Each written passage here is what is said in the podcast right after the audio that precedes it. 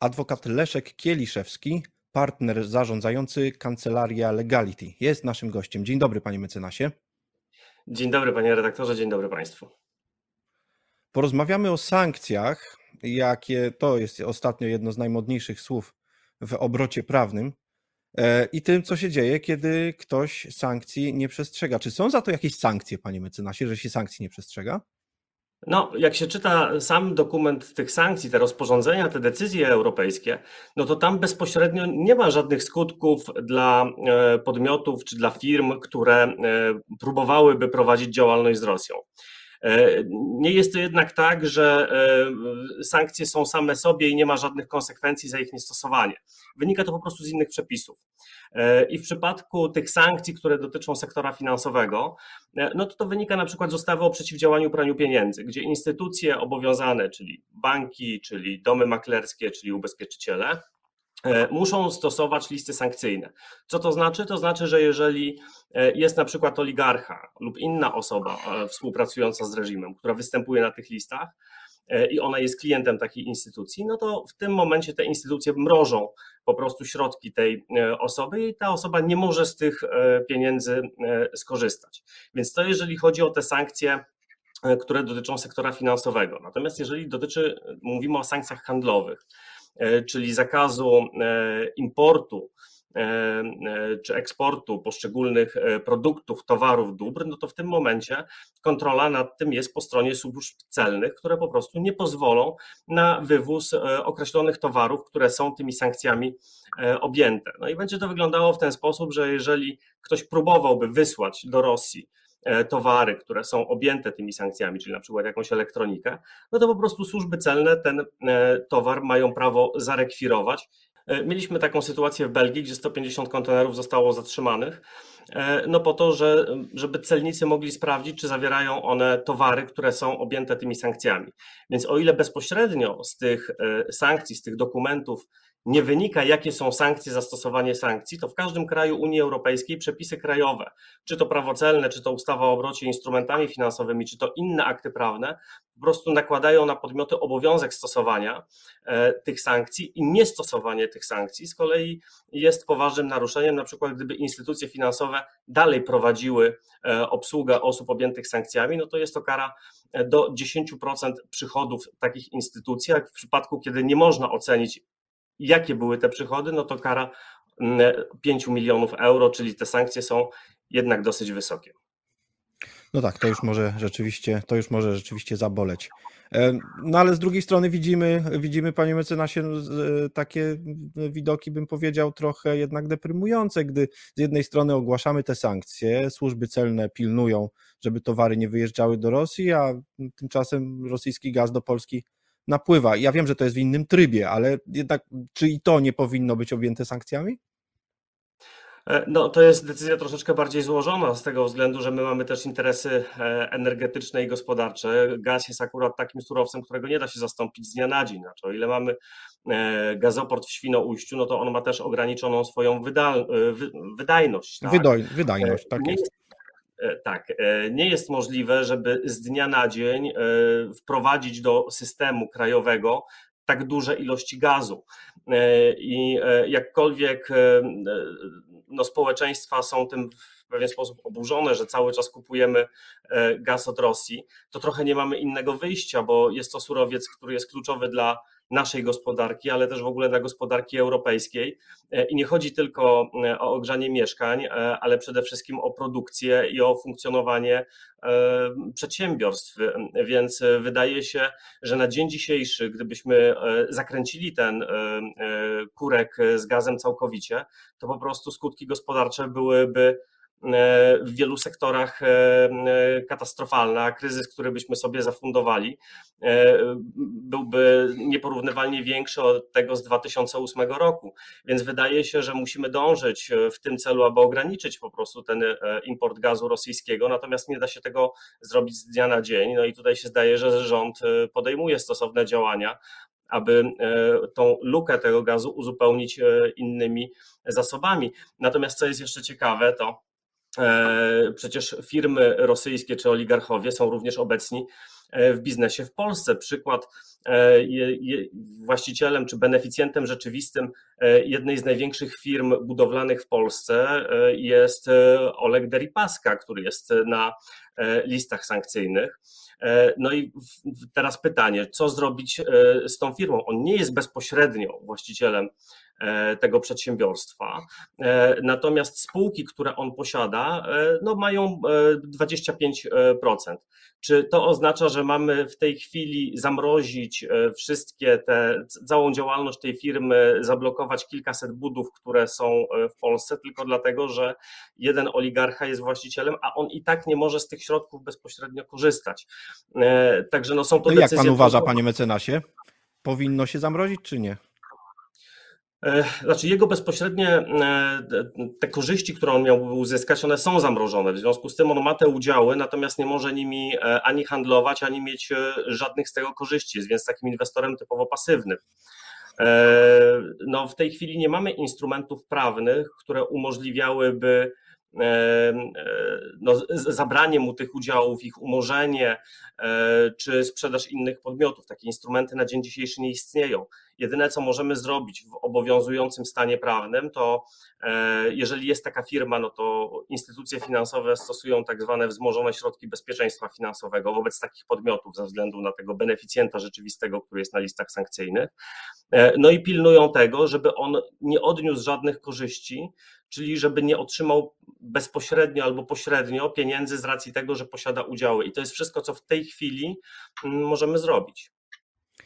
Swoją drogą to ciekawe, że akurat nie tak dawno temu znowu uchwalono przepisy, na podstawie których powstał ten rejestr beneficjentów rzeczywistych i możemy to w tej chwili, możemy w tej chwili to zaobserwować, prawda? Tylko jeśli dobrze rozumiem myśl pana mecenasa, to, to jeszcze system nie jest kompletny w tym sensie, że nie mamy tych dalszych kroków po ujawnieniu już beneficjentów rzeczywistych? E, identyfikacja beneficjenta rzeczywistego e, była e, obowiązkiem instytucji obowiązanych już od 2010 roku, od tak zwanej drugiej dyrektywy AML. I już wtedy każda instytucja finansowa miała obowiązek identyfikować, kto jest beneficjentem rzeczywistym czyli kto faktycznie e, sprawuje własność nad danym przedsiębiorstwem. E, no, e, podchodzono do tego dosyć różnie, czasami były trudności z ustaleniem tych osób fizycznych, natomiast świat trochę zmienił się po aferze Panama Papers, w której okazało się, że za panamskimi spółkami stoją oligarchowie, osoby objęte listami sankcyjnymi. No i to wymusiło kolejne zmiany w dyrektywach HML i teraz instytucje obowiązane mają e, bezwzględny obowiązek ustalić beneficjenta rzeczywistego. Jeżeli nie ustalą osoby fizycznej lub osób fizycznych, które faktycznie posiadają jakąś firmę, nie mogą im świadczyć usług. E, I e, ten rejestr beneficjentów rzeczywistych to jest z drugiej strony nałożenie obowiązku na te firmy, które działają w Polsce, żeby tych beneficjentów same pokazywały, żeby ten dostęp do tych informacji był ułatwiony i rejestr ten w przypadku dużych firm działa, można powiedzieć, dobrze, no bo jednak e, widzimy w tym rejestrze, każdy może to sprawdzić, wpisać, wpisać nazwę firmy, e, która jest dostępna w KRS-ie i zobaczyć, kto jest beneficjentem rzeczywistym. Więc jeżeli chodzi o samo ustalenie tej struktury, e, to to już jest zrobione. Tylko pytanie, jakie dalsze kroki? To znaczy to, że A, no mamy właśnie. ustalone, że firmy czy instytucje finansowe stosują te wzmożone środki bezpieczeństwa finansowego, czyli bardzo dokładnie analizują dokonane transakcje, patrzą, czy nie doszło tutaj do e, prania pieniędzy, czy do jakichś działań, które mogłyby służyć finansowaniu terroryzmu, ale również naruszaniu sankcji, e, no to pytanie o jakieś dalsze kroki, które można jeszcze zrobić, zwłaszcza w tej dzisiejszej rzeczywistości e, po napaści Jasne. na Ukrainę.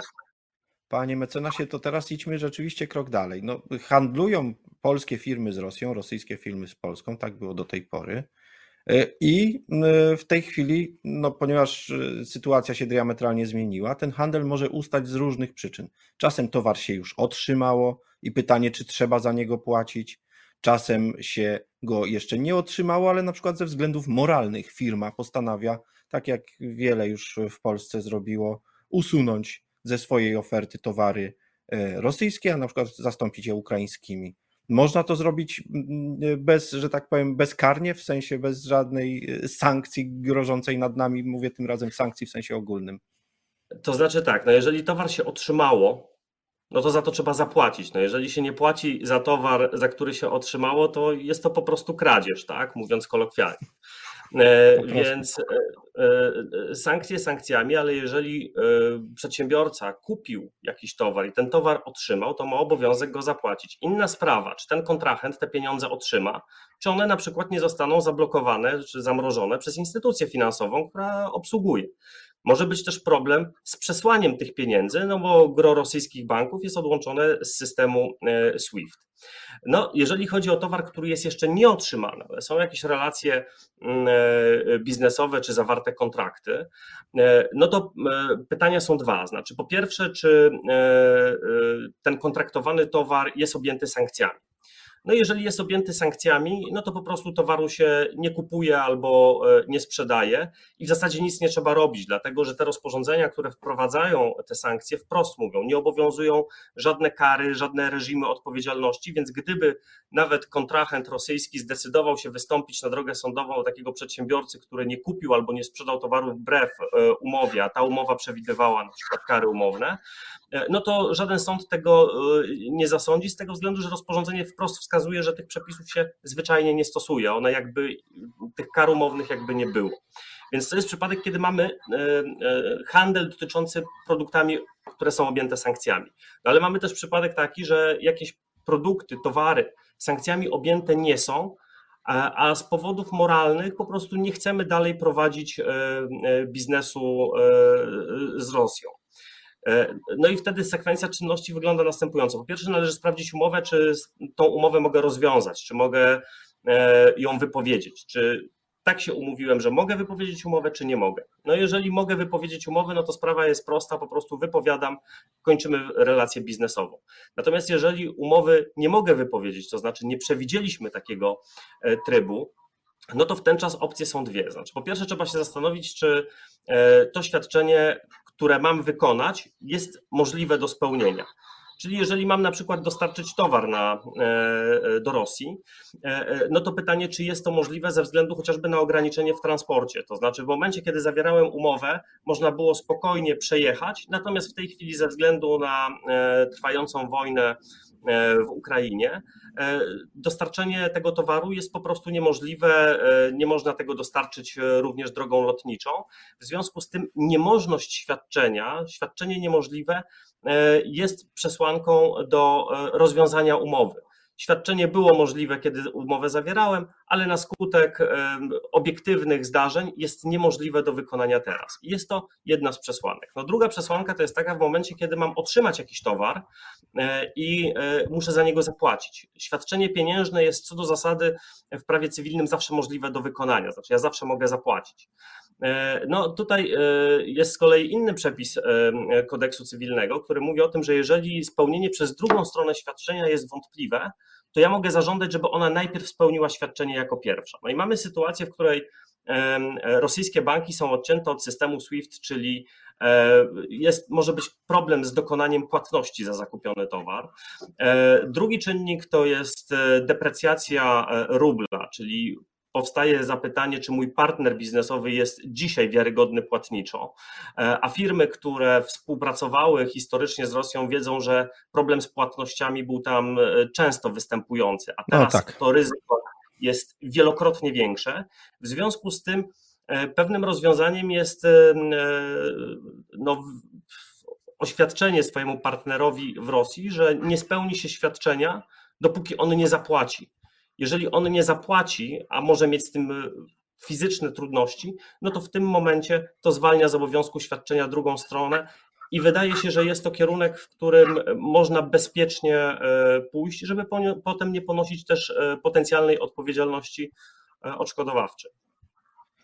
No tak, albo po prostu powiedzieć nie, dziękuję, bo właśnie już nie będę z Państwem handlować. Ostatecznie jest swoboda umów i można tak też zrobić. Bardzo dziękujemy za to spotkanie. E, Leszek Bardzo Kieliszewski, dziękuję. adwokat, partner zarządzający w kancelarii Legality, był naszym gościem. Do zobaczenia.